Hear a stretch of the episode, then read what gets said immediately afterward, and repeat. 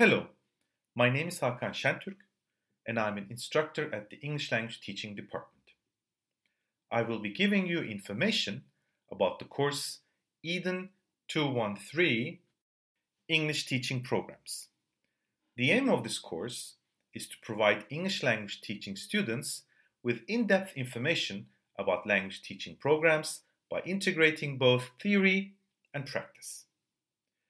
During the term, we will be taking a look at the basic concepts of curriculum,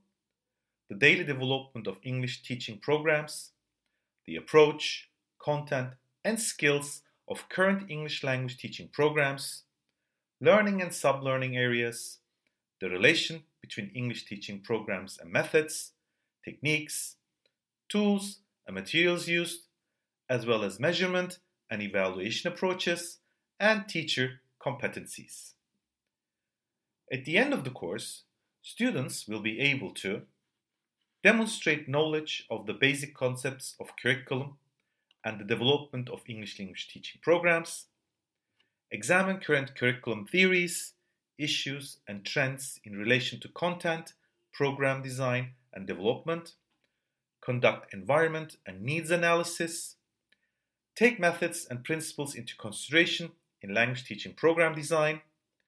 and evaluate the English language teaching programs of different institutions.